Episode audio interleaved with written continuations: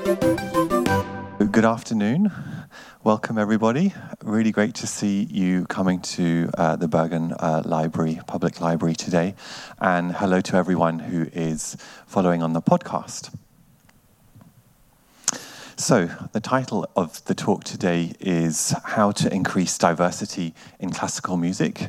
Uh, and I'm really excited to have been invited to take part in this discussion. And we have um, three wonderful people uh, who we will be having this conversation with. Um, so, I'd just like to um, introduce myself and the three um, uh, panel, panel discussants. My name is Thomas Hilder. I am Associate Professor in Ethnomusicology at the Norwegian University of Science and Technology. Um, I'm originally from the United Kingdom and have spent a lot of time as well in Germany. Uh, I was actually also uh, employed here for two years at the University of Bergen. Uh, a lot of my work has been focused on issues of uh, equality, diversity, and inclusion.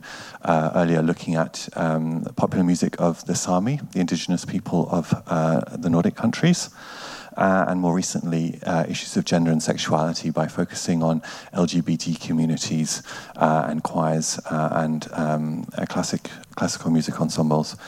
Um, I don't have a specialism in classical music, uh, though I was trained as a violinist uh, and a viola player. Um, but uh, as an ethnomusicologist, I am very kind of uh, interested in sociological um, ethnographic approaches uh, to a kind of art world. Uh, and so literature there has really um, helped shape my own experiences or my understanding of my own personal experiences. Um, and it's those kind of perspectives that I would like to bring to the conversation today. So, um, I would first like to introduce uh, Tai Murray. Uh, we're delighted to have you with us. Tai Murray is uh, an internationally, globally renowned um, and uh, acclaimed violinist um, born in Chicago um, and has many um, um important um, uh, and um, uh, acclaims to, to your name. you were named a BBC New Generation Artist uh, from 2008 to 2010.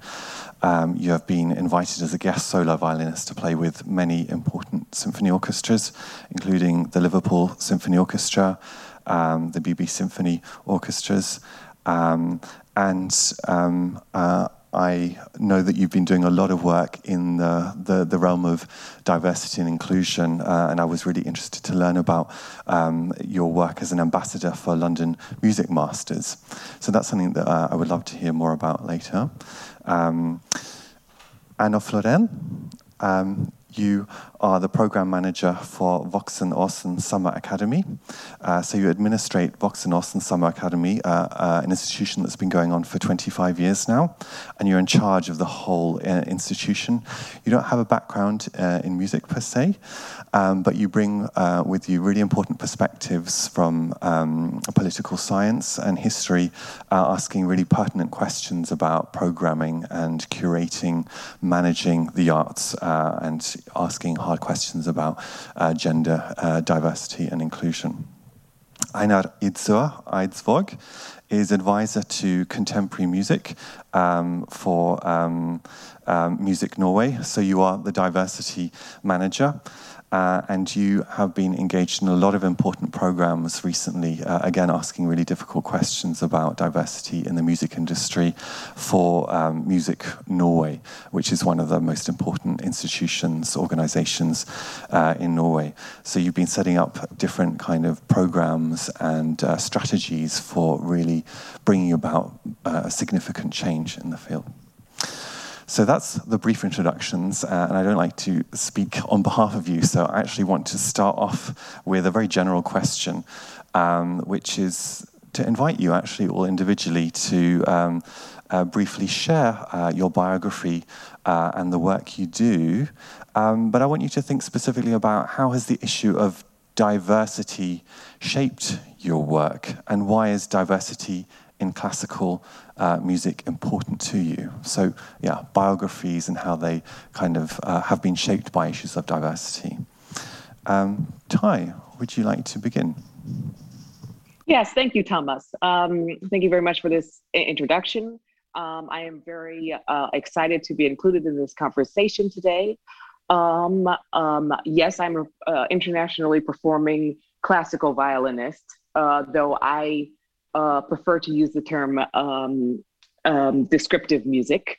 Um, but as well um, as the newly appointed professor of violin at Yale University, I really look forward to exploring what uh, sort of what I think of as a subset of the diversity conversation within classical music, which is that I consider consider the entry into classical music as being self-selecting, meaning that as I did, I found an interest in pursuing it.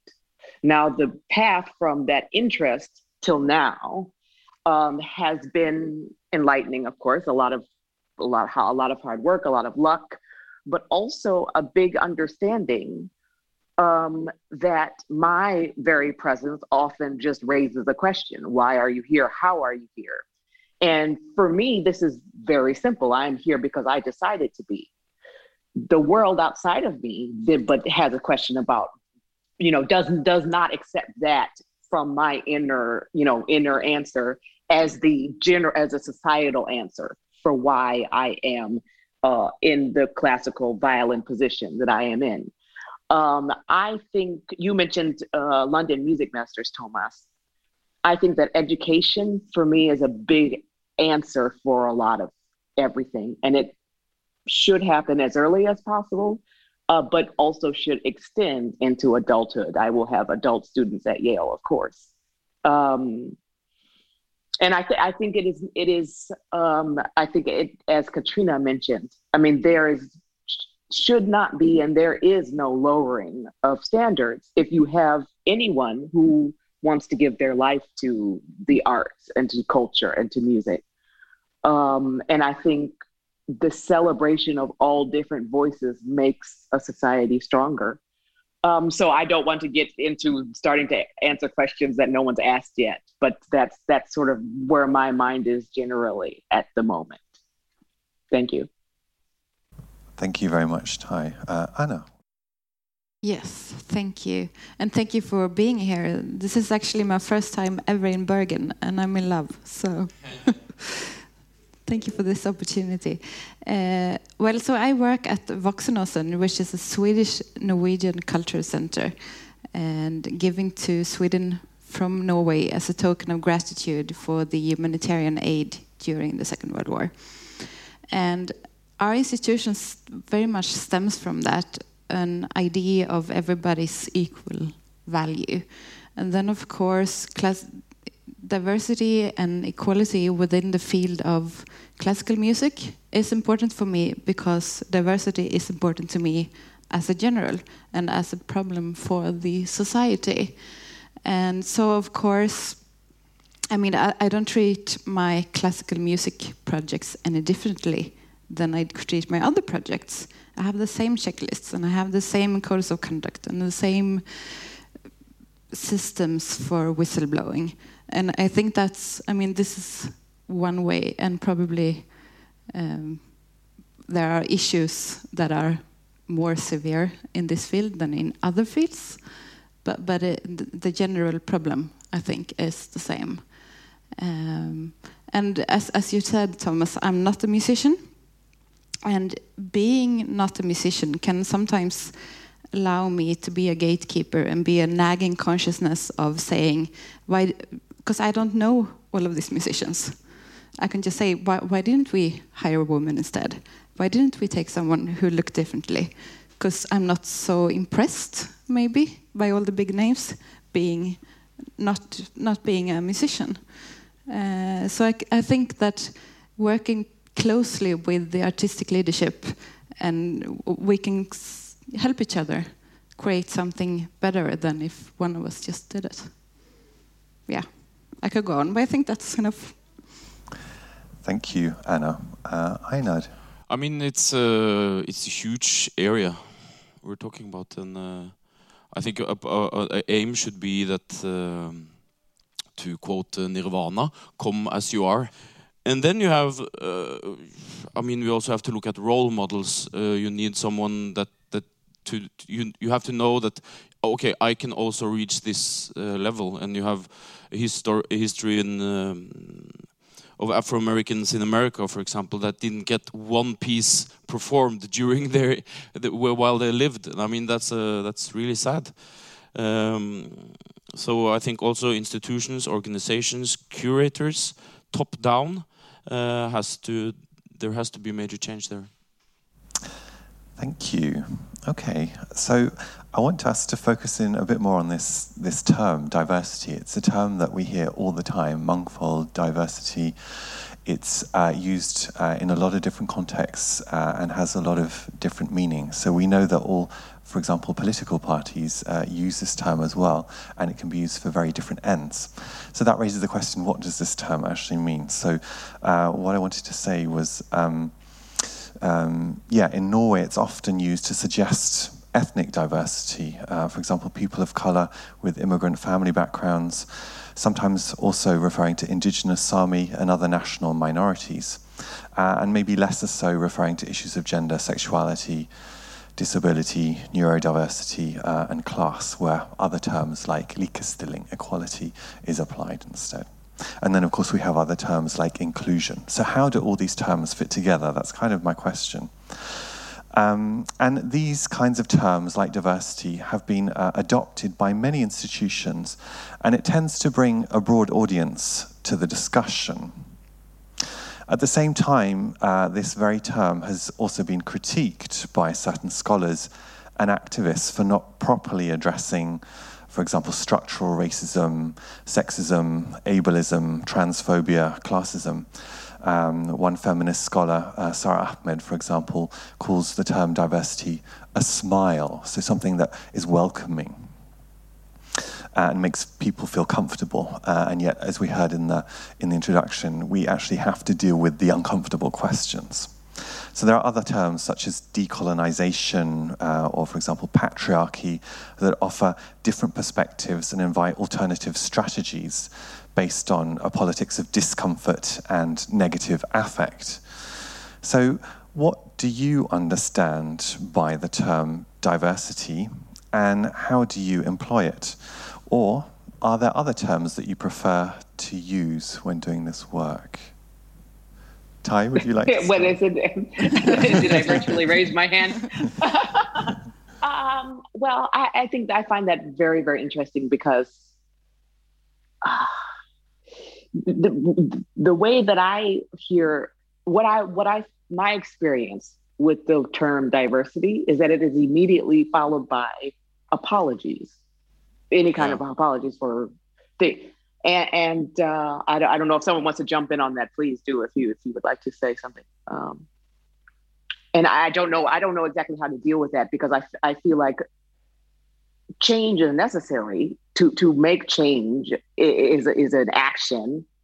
Um, but that action doesn't necessarily, in my mind, with common sense, have to do with apologizing for being me or the person next to me apologizing for being them. Um, and so I don't know how to um, connect. I don't know. I don't know how to understand that why that happens. Diversity and apology. So that that's. I just want to make that comment. I'm done. but it's uh, and all those um, words being used. I think it also uh, pushes some people away because they're afraid of using the wrong words uh, when it comes to diversity. Right. But I think it's uh, right. Mm. It's visible diversity, which is very easy to focus on because it's visible. But you also have mm -hmm. invisible uh, diversity. I have a diversity from my background. My father is a priest. I used to live by a big psychiatric hospital. I mean, I come with a diversity as well.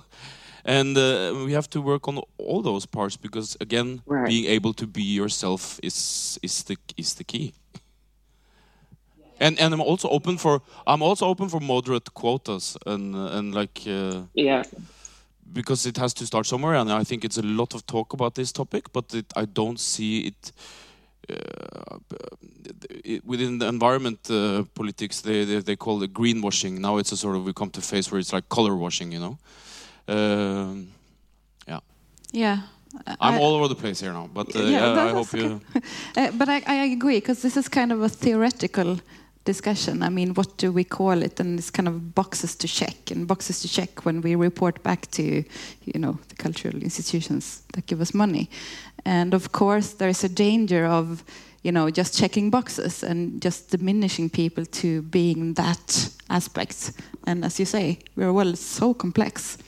And so, on a more practical level, I think working with diversity is actually constantly challenging the norms like we have those diversity of gender and, and color of your skin, but we also have ways of playing the violin or ways of you know being a person that is it is important to have different role models and different students i think need different kinds of role models for different aspects of their development. So yeah diversity is i don't think that it's so important what we call it it's more important what we actually do and that we have opportunities, give people the opportunities to actually be who they are. Thank you. Uh, Tai, did you, you had your hand up earlier. Did you want to? Um, well, I just, um, I, I, I, really, it was about diversity, and um, you just said um, having like accountability or, or challenging the norm. So I think maybe if if you know, in an ideal way, if the if the term diversity was literally replaced with challenging the norm, then the conversation shifts to something else. Then it, then there you can't talk about colorism or, you know, like put the box thing becomes sort of uh, more general, but also clearer somehow. So I just I just like that that you said challenging the norm. I think I would prefer that to hear that as a buzzword as opposed to just diverse. Um, um, yeah, so sorry. no, that's great. And also, mm. yeah. And it's also during when we have talks like this, um, it's also look, look at the audience here today. Most most of the audience here today are women. and when you are okay. at Talent mm. Norway's uh, talks about uh, sex, uh, sexes or gender within uh, within the classical field or art field or contemporary field, it's also like uh, like the, the white, uh, powerful, uh, white privileged man. He's very seldom there where, where the talks are, are being made, and that's sad. I mean, thank you, Peter, for being here. Thank you to you also. yeah. But it's uh, the, we have to look at this stuff and really like uh, because it's um, it's buzzing, but it's not uh, leading I think uh, it's it's not. This is not a quick fix, but it has to like uh, something has to happen. A bit more than words. Mm. Thank you. Yeah, and I think the idea of challenging the norm is really powerful because it it it focuses on a verb. It focuses on action rather than just talking about a concept. Uh, and that's something that we'll go into a bit more later on in the conversation. Um, so, yeah, I know you were speaking earlier about statistics, uh, which revealed that in Norway, women, for example, are still in a minority within the classical music world in general, but extremely so in the realm of composition and conducting. Um, and there are several theories as to why classical music remains dominated by white middle class people and especially men in positions of power. Um, and some believe uh, that it's simply a question of access, that if we provided more resources and opportunities, then classical music would uh, become more diverse. Um, others uh, have also argued that outreach or widening participation programs set up in different parts of the world especially in the 1980s and 1990s. Uh, we can think of big examples in the United States of America, in the United Kingdom, uh, and also Venezuela. I'm thinking of El Sistema, um, but also other examples like West Eastern Divan Orchestra. Uh, so when we look at these projects, we haven't actually seen a substantial change in the makeup of the classical music world today. So that raises big questions. What do you think are the biggest challenges for achieving greater diversity in classical music today? Well, I can start then. Uh, I think that I mean the music business itself is truly global. So I mean we're starting to get some kind of diversity in nationality wise in orchestras and stuff, but the representation of all parts of Norway are so poor. Uh, if it's uh, socially challenged areas or multicultural areas and stuff, those people aren't in in the musical field, and I think that access is part of it, and that goes for you know finding talents as well. I mean, in the part where, where I live in Oslo, uh, my son, when he was in first grade, 98% of his class went to ski training. Of course, then everybody have access, and everybody is exposed, and and all of those kids that actually are naturals, have talents, will continue. And then, of course, we, you get representation within the field, and then it can can change. I mean, we cannot sit here I, as a white middle aged woman, can sit here and say this is diversity. It has to. Be I mean, the field consists of the people within it, and as long as those people are a good representation of the society, then that's not there. So it's not a quick fix. We need to find ways to actually include all of our societies. And in Norway, uh, I think it's one of five has a multicultural background. And in Oslo, for example, I think it's three of five that has a multicultural background. So that should be like mirrored in a way, or the representation is extremely important. And um, also regarding to um, room with power, I mean uh, boards. Uh, uh, juries in Norwegian Spellemann Grammy. It's important for us. We do. We have this project called Agents of Change, where there's ten um, people with a multicultural background that advises us basically, and we enable them with the projects they want to do. And uh, then it's very important for us to to enable them. I mean, give let them come into this room with power and actually make decisions. Um, and I think that's helpful. Uh, but not like uh, uh,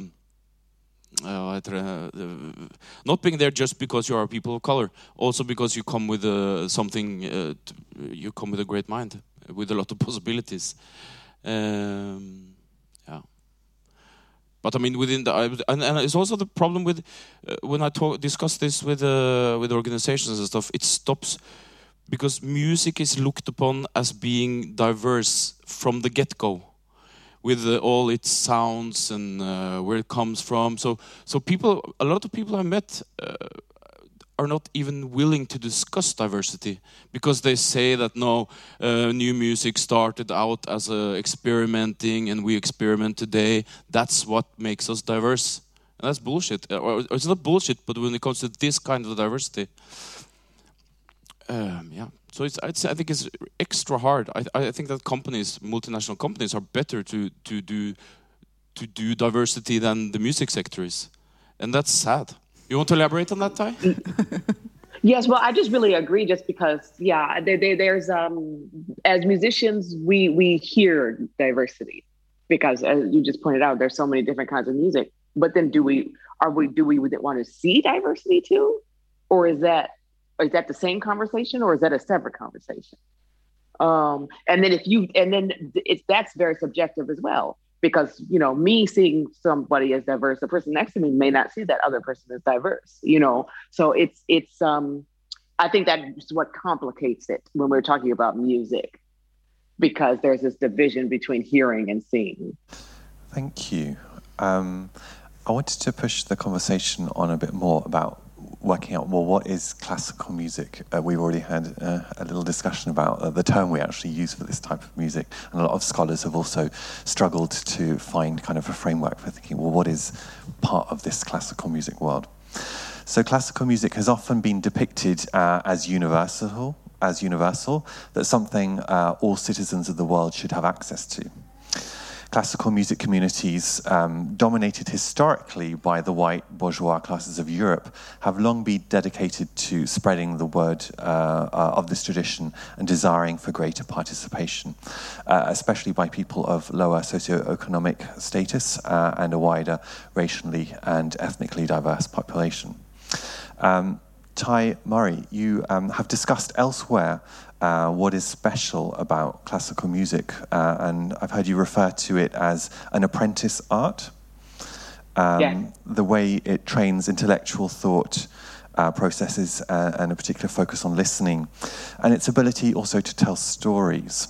So I guess my question is, what is specifically valuable about classical music in responding to society's greater concern for addressing issues of diversity? Uh, and for addressing the needs of a, a diverse society in the 21st century? It's it's a mind trainer. Um, the building of a piece from the first note to the last note to being I'm able to understand everything in between. This builds an intellectual mind. This builds someone who has to have a planned thought about where they are starting out and where they are going. And when you have that kind of organization within yourself, I see that it starts to translate to what you put outside of yourself in ever widening rings. This this this um, organization um, I do not, I mean, I've had debates with a friend of mine actually a long time ago. He said that yes, by far, classical music is just the best music. And he included all the classical music, Indian classical music, the ancient musics from from all of this, all of that, as opposed to what we now know as like generally pop music, you know, like American pop music. Um, and you know i don't necessarily think of it that that specifically like i play the greatest music. I don't think that. But i do think that i i um, have been made smarter by it. I do think that uh, the ability to be made smarter by it or, or the, the opportunity to be made smarter by it is is one of the pros you know that you would present to a child's mother this will help them learn how to do math. This will help them learn how to be a, a responsible member of a functioning society because you have to build those parts of your mind in order to be successful at the violin, to be specific. Um, so that so that that's where my focus is is, is on the, the the actual almost physical impact that it can have on an individual um, yes, and I'd let someone else speak. Thank you. Thanks, Tai. Um, Anna, would you like to uh, respond to that as well, uh, coming from outside of the, that musical world? Uh, I, I, don't th think I really ha have an answer uh, to it. And I mean, what's special in it? Uh, it might be the long traditions and you know even more uh, locked down structures. And you know i mean the fact that uh, dead composers still can be can be played a lot. Uh, but i don't have any really good answer no. Yeah um, as i told only 19% is of music being presented in in norway among ensembles and orchestras are is music written uh, for less than 30 years ago so that's a, uh, and also thinking of it, it's I think it's a major problem that there's so much tax money that's being spent on classical music, so it, that also commits commits uh, the orchestras, the opera houses, the the venues. It, they should be more. I think there's they should be uh, held more in. Uh, they have a responsibility, and I don't see they take that responsibility as serious as I would like them to do and I uh, and also you can say that people people also feel threatened, right? Uh, the the white privileged man uh, feeling threatened, but I don't I don't see why they should should feel threatened. I I, I see it as a as you said, Peter, uh, doing spillerom at P2, it's it's just more and better. Instead of uh, limiting it, and and then you're uh, and in danger of of locking yourself in in a corner. And it's hard to get out from that corner if you if you if you're not open opening up towards where the world is going. So it's those again those gatekeepers we have to educate them but we have to do it with love also we can't just hate them and uh, show the finger to fuck off we have to because we can't like just like uh, um, yeah you're, you're fired we don't want you any longer but we have to like yeah show them love and show them uh, possibilities of how this can be done in a positive way yeah, yeah. I think the key is, you know, that uh, the world keeps on changing. I mean, we meet new challenges every day, and even though we had a really good diversity policy two years ago, it's not enough because we have new issues today. So you have to be constantly, you know, again challenging the norms of the new society. Yeah, thank you. Yeah, it made me think about uh, Lydia Goehr's idea that uh, Western art music or classical music is, in a way, a museum. Um, that we're kind of curating a museum uh, of particular works, particular composers, particular musical institutions. And as uh, museum curators also do, they have to keep on responding to new publics today to make that work relevant to our society. Um, so all those ideas are really um, interesting, what you just shared. And I think the whole idea of accountability, uh, responsibility is something that I'm thinking a lot about in my work. Uh, and I like this idea of calling out that you said, you know, holding people accountable, um, but maybe not in a, a kind of shaming way. Um, people have talked, for example, about this idea instead of calling out, but calling in to get people on your side, part of the conversation, to make positive change. So we're already moving on to the idea of strategies now, and this is what I want to focus on in my next question. So there are many examples of people engaging in diversity work in classical music in different contexts, and there's a long history of that, as we've already um, talked about. Uh, and a famous example of this is Chineke, uh, which was founded by Chichi Nwanoku um, uh, in London for black and ethnically uh, diverse performers in the United Kingdom. Uh, and one of the aims of this project is to challenge elitism in the classical music world. Um, other projects, uh, for example, some of the LGBTQ plus orchestras I've uh, played in myself in, in, London, for example, use uh, the model of the symphony orchestra to do community building and care work for marginalized people. So, a whole range of strategies have been developed to increase participation diversity, including mentorship programs for marginalized communities, unconscious bias training for hiring committees, active commissioning of diverse composers, policies of gender balance in programming musicians and composers. Uh, for example, uh, both Anna and Einar uh, have been doing significant work in programming and platforming artists, uh, setting up task forces. Einar, you've already mentioned uh, your work with Endringsagentene, or Agents of Change, and um, Coop as well. Um, and we know that Kulturråd here in Norway uh, is very much concerned about these issues of um, uh, continued um, gender discrimination and uh, issues of racism within classical music. So, what strategies have you adopted in your work? Which projects have inspired you? And who are your role models for this kind of work? It's not classical music, but I love Prince. I love Prince, the artist. I mean, uh, what he's done to music is such a pleasure. But uh, I, I, mean, checking cognitive bias, for example, check check your privilege. We made this door opener, which is like an eight pager of how to work more multicultural within the music uh, scene, made by the agents of change. And there's like a list we have. Uh, it's it's downloadable uh, at musicnorway.no, and it's uh, written in Norwegian, unfortunately. But it's aimed for the Norwegian music industry. But check your privilege is like a list of going through points of have you considered this? I mean, put yourself within the context. Um, and I also mentioned like the, the, the stuff with room with with power, and it's enabling and and come down to the level where you where you where people can just be themselves. Um, I would say that uh, Borealis, which is represented here with Peter and Tina, you guys are doing an amazing job uh, on how you program, how you think, uh, and and act. It doesn't just come down to the word. You you you do it, and uh, it's been because we working with Music Norway, we work close with Bergen International Festival. We work close with the Borealis when it comes to inviting press and experts, and mix it all up to hopefully uh, enable uh, networks across borders. And uh, so I've been attending Borealis for many years, and uh, thumbs up. I'm really proud of you, and uh, you are, for me, you are a role model. Yeah, I, I, think a lot of what you say is true for, for us as well. I mean, it has you have to check, and you have have to be uh, aware of what you do and uh, how you do it.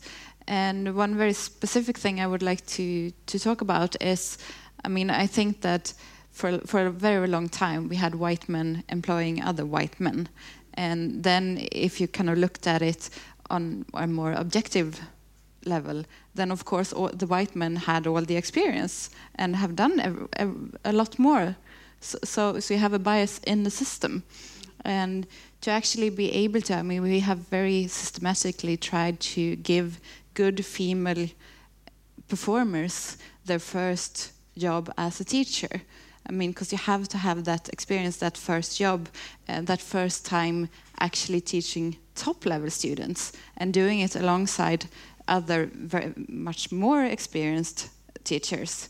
And then from there you can go on to get the next job and the next job, but we have to start somewhere, and, and that's always, or a lot of times, you know, just an evil circle that you can get into if if someone doesn't open the door for you for the first time. So I think I think that works. Yeah, Tai. Yes, I just could you be. Uh, I have a question about um, the money aspect. You know, and the funding. I mean, I think it's not only that. Um,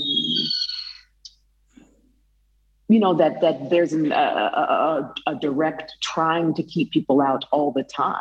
I think it's sometimes that there's not a recognition that that group or or this unusual set of individuals that it's sometimes the establishment doesn't see like the, the possibility of the money behind it like somehow that group wouldn't be able to support this concert series or that you know you see what i'm saying so I mean, how do you? I think that maybe by addressing that some, you know, that or convincing some of these, as you say, in these like halls of power, that yes, there are actually very deep wells of funding in these communities that are totally untapped just because they're, you know, the visibility of that funding is not clear to that boardroom or something. I mean, what is the opinion on that?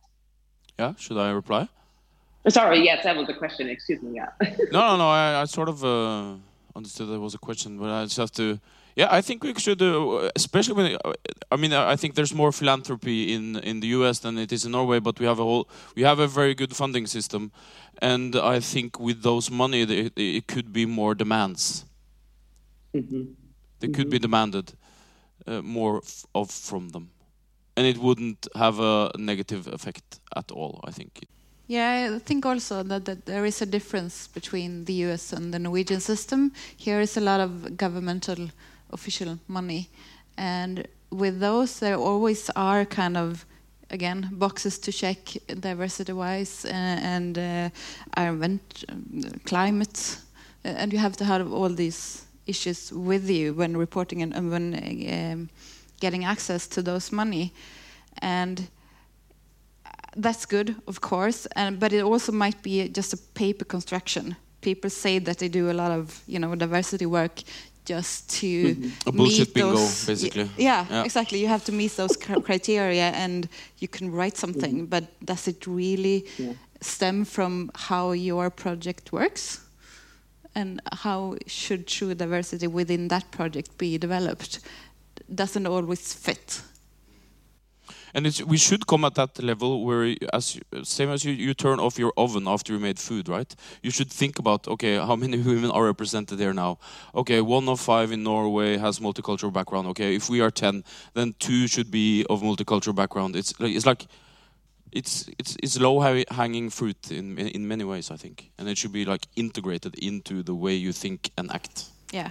So it's not an issue for women discussed by women yeah. in an all women. Yeah, yeah, yeah.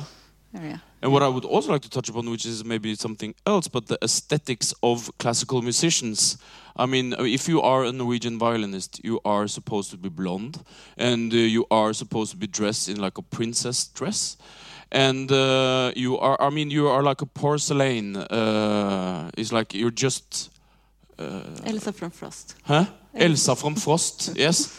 So it's like, and yeah is terrible. yeah, I mean, you're discussing, and that, that's that's the man, the man again, like that has, has designed the way we want to perceive percipate the, the, the, the, violinist, the female violinist. Adorable, innocent. and it's like it's uh, it's it's wrong from the get go in a way. Do you agree, Tai? I mean, I mean, look, yes. I mean, I I want to wear what I want to wear. I mean, there is. It's interesting because I thought about it a lot personally. I want to be comfortable to perform, right? Mm. I have to be in this state of mind to feel comfortable. And that includes my shoes. My teacher used to always say, shoes first. If your shoes are not comfortable, you won't play well. so that's number one. Uh, but then after that, am I dressing for me or am I dressing for what I think the reaction is going to be from the audience? And and at some point, you know, in my adult life, I realized, no, I dress for myself. Mm. I want to feel like I look good or whatever, but this is not about my trying to fit into some kind of societal norm. It just is. I, I will never reach that uh, bar. Actually, mm. I don't even know where it is. I don't. I don't know. You know. Yeah. So, yeah. Thank you. Yeah, um, it's making me think uh, a lot about all these kind of individual, personal issues, uh, but also the larger structural issues. Um, and you said something really interesting about, uh, yeah, um, this diversity work can't just be directed at uh, minorities. Um, it has to be directed at the people in power.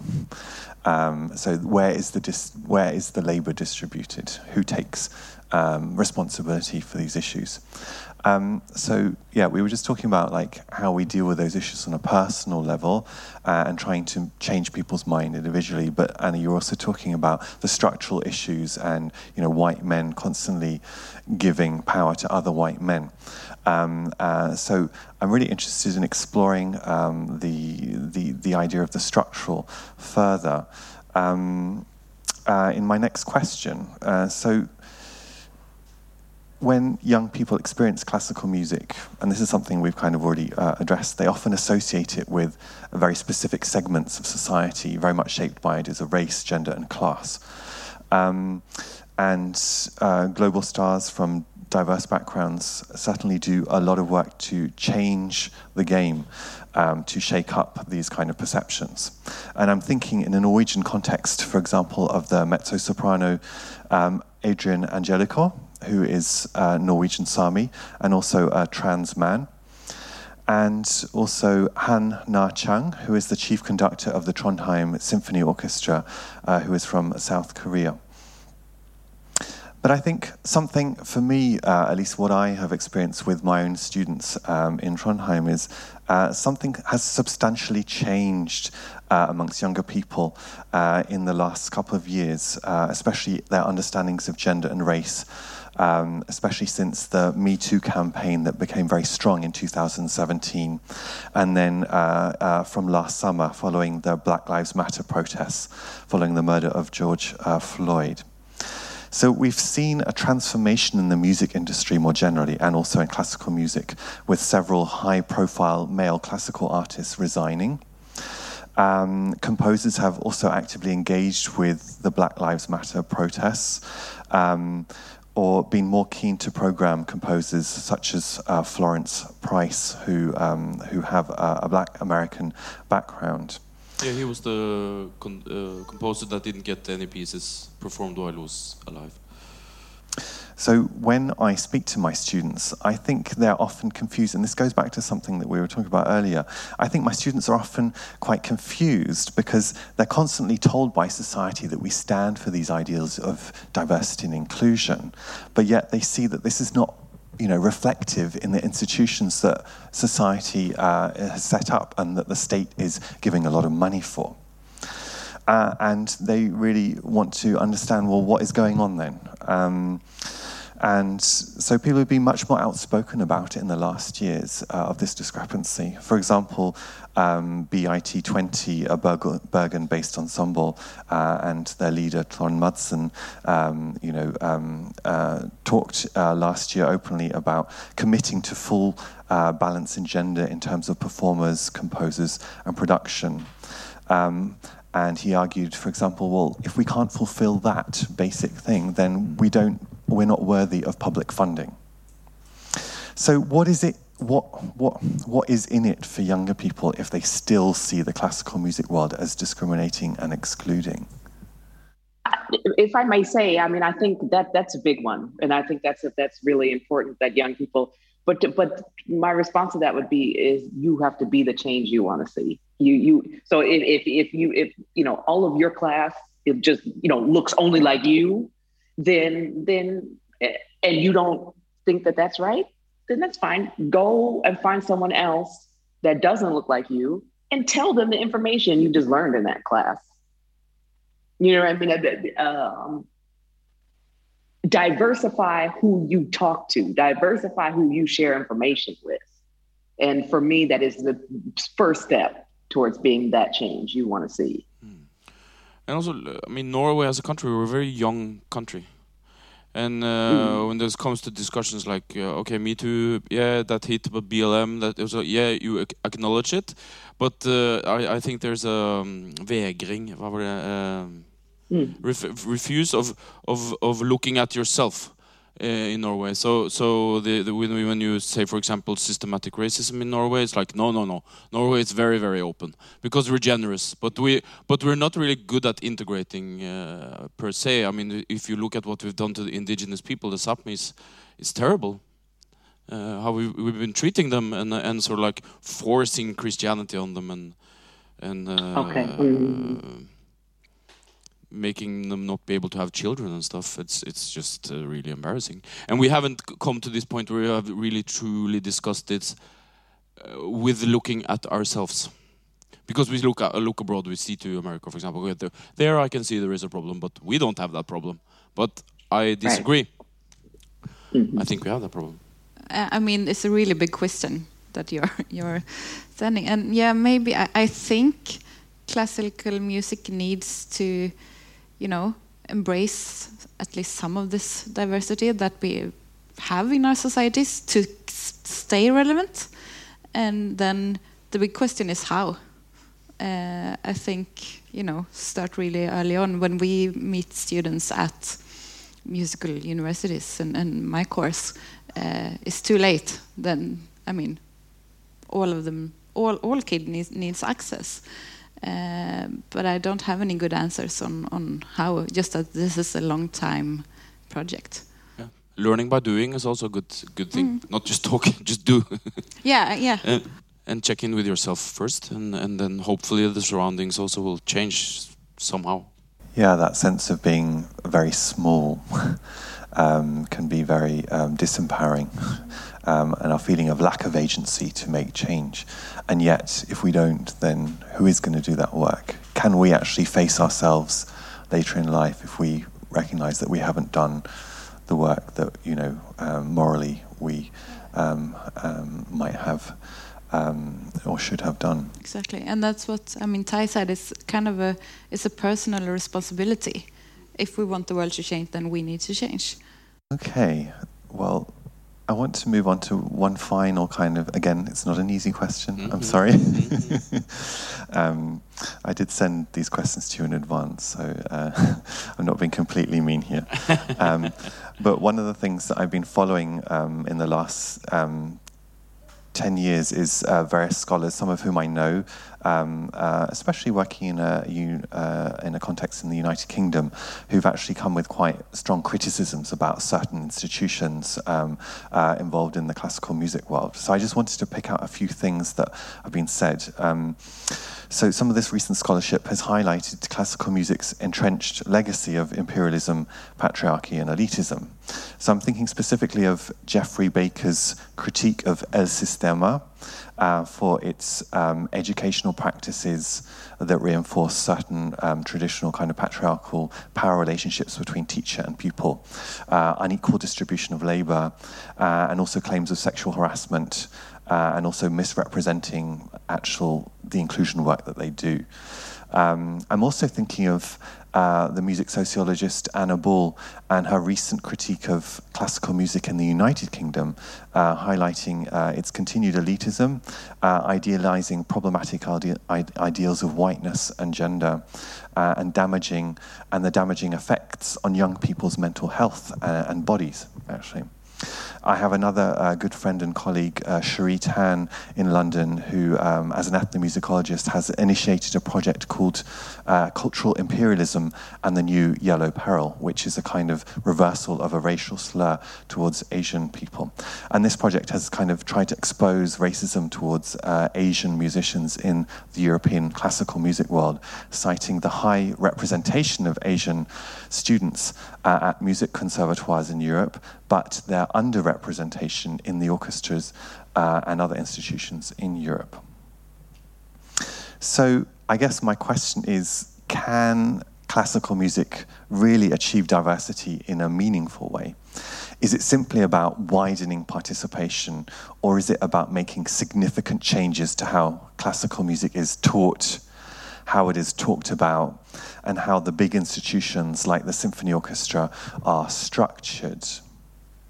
Uh, and Einar, in our communication before this um, this uh, today's discussion, you pointed to an article uh, about strategies for decolonizing contemporary music, uh, and you referred specifically to uh, the composer George Lewis, who's mm. written about this. Yeah, it was Peter that sent me that uh, article, and I recommend.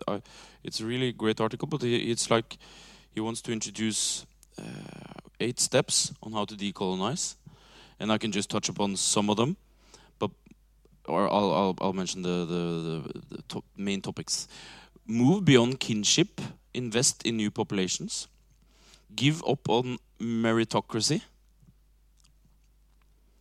diversify school music programs, encourage ensembles to commission, make decolonization an explicitly foreground part of cultural policy internationalize music creation decisions, and that's a very, very important one. Encourage, med encourage media discussions of new music decolonization. And the last one is change of consciousness. And I think the way he writes about it, and the, I think it's really, it's a beautiful piece that he's written. And he's also been, he's had, he had programmed, you guys have programmed him here at Borealis. He's also been at Ultima. So I've been fortunate to meet him a couple of times, and he's a great guy. But the, the, you mean you're you're asking a leading question? I would say yes. We need to, we need change. but I think I think uh, again we're going back to the kind of institutional level yeah. here. Um, you know, we have this idea that classical music has to be done in this particular way. Uh, it has to be taught in this way, uh, or the symphony orchestra has to be structured like this, or we have to wear these clothes on the stage. Um, could you tell me a bit more about strategies that have been adopted to, to, to try and challenge those uh, traditions to actually, um, you know, um, maybe make more diverse um, uh, audiences and young people feel uh, safer in these spaces that might otherwise feel quite um, unsafe. Uh, if I could just uh, add kind of to that sentence, I, I have been in an experience where I am often asked, people ask me or say to me, I don't know about this music. I don't understand it. I apologize for not understanding it. And my response to that is, is you don't, there, no, there, you don't have to. And, and your responsibility, it's my responsibility to make it somehow clear to you. It is not your responsibility to come here and be able to tell me how I play it. Now, some people will do that, but that's, but that's for the, you know, general public. This is, it's about giving to them and they can leave it or take it, you know, take it or leave it. Um, but then also backtracking a little bit into what you were saying. I mean, I think um, I have I have been a part of a um, it's a music festival, music teaching festival, chamber music teaching festival in Brazil, uh, but it actually rises a bit to the level of a social project because uh, we we go into these ta- towns, small towns in the middle of Brazil, and literally just put the chairs and play the concert, and and eventually like all the town is there, and nobody understands nothing of. There's no program, no nothing. Just play the dogs or the chickens and all the entire generational of the family. They're all there just to you know have an entertaining afternoon or whatever but because we don't require from them some kind of pre understanding, they just enjoy the fact that we are trying to give something to them. And so I think that we cannot lose the, the identity of an art or a culture of any kind of art that it is giving. It must be giving. And I think when we start from that area, then this discussion about, you know, what we are talking about has love in it, as you were saying also earlier. Um, but but it also is not a scary thing for someone who feels like they don't, you know, they have no connection to it. It is a human thing that anyone can have a connection to if it is given with, you know, generosity, in my opinion. Yeah, and I mean, of course, uh, the institutions and the structures need to change to be able to let change come. Uh, we need to judge people that, that audition with pieces that aren't classically European the same way as as we do the classical pieces that that we know. And I mean, just a small example, but I think yeah, the change needs to come from from from the bottom, from the society. Uh, but we also need to enable that change. The stakeholders, the boardrooms, the power needs to enable change to actually organically happen. I liked what you were saying, um, Tai, about this idea of um, claiming ownership, uh, but also giving with love. Um, so, this idea that, well, no one owns music in a way. Uh, we can all claim uh, a connection. Uh, we can all, in a way, appropriate music for our own lives, our own needs. Um, so, in this way, um, for example, terms like Western art music can be problematic because it kind of re-emphasizes this notion that only particular people have ownership of it. Uh, and in fact, some scholars um, have tried to claim that Western art music or classical music or whatever we want to call it uh, is a kind of world music, because in a way we see it being performed throughout the world, and everyone has a kind of has the potential to claim ownership of it. Those ideas have also been critiqued uh, for, for obvious reasons as well. Um, so um, yeah, I just I was kind of inspired what you said, um, um, Tai, about this idea of yeah, kind of claiming ownership, uh, but also giving uh, with love, um, uh, and that um, I think maybe for me that has been one of the ways in which classical music um, in the past has also um, kind of maybe prevented um, through those uh, kind of closed doors or people in power wanting to maintain that power through upholding certain aesthetic uh, and behavioral uh, conventions, norms. Uh, and that that's why we actually we see a lot more diversity in other um, genres, in other musical traditions, because those doors or those norms have uh, been looser in a way. So that's kind of one thought that I had um, that um, maybe we could um, take with us uh, also. I'm looking at the clock and realizing that uh, we're kind of almost over for the allotted time slot. So I would like to thank all three of you, uh, Murray, uh, for calling in from Italy. It's been really wonderful to spend time with you uh, today. Um, Anna Floren, uh, for coming uh, from southern Norway, um, and also to Einar um, for also coming from Oslo today. Um, so thank you very much, everyone, for coming. Thank you. Thank you, Thomas. Thank you. A pleasure. Thank you.